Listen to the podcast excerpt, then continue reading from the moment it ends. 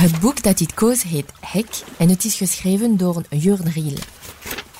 Het is eerst het verhaal van een Inuit, haar naam is Chanook en ze is de dochter van een shaman en ze zal een slaaf worden na een strijd tussen haar stam en een andere.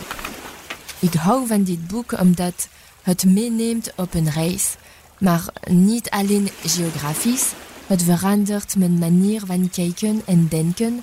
Scandinavische schrijvers staan bekend om hun thrillers, maar allee, dat is niet mijn smaak. Uh, ik hou van hun romans voor hun gevoel voor humor en voor hun liefde voor de natuur. Ik zal de eerste zin in het Frans lezen, niet in het Deens. Je voudrais vous parler du loup, qui est l'animal qui ressemble le plus à l'homme.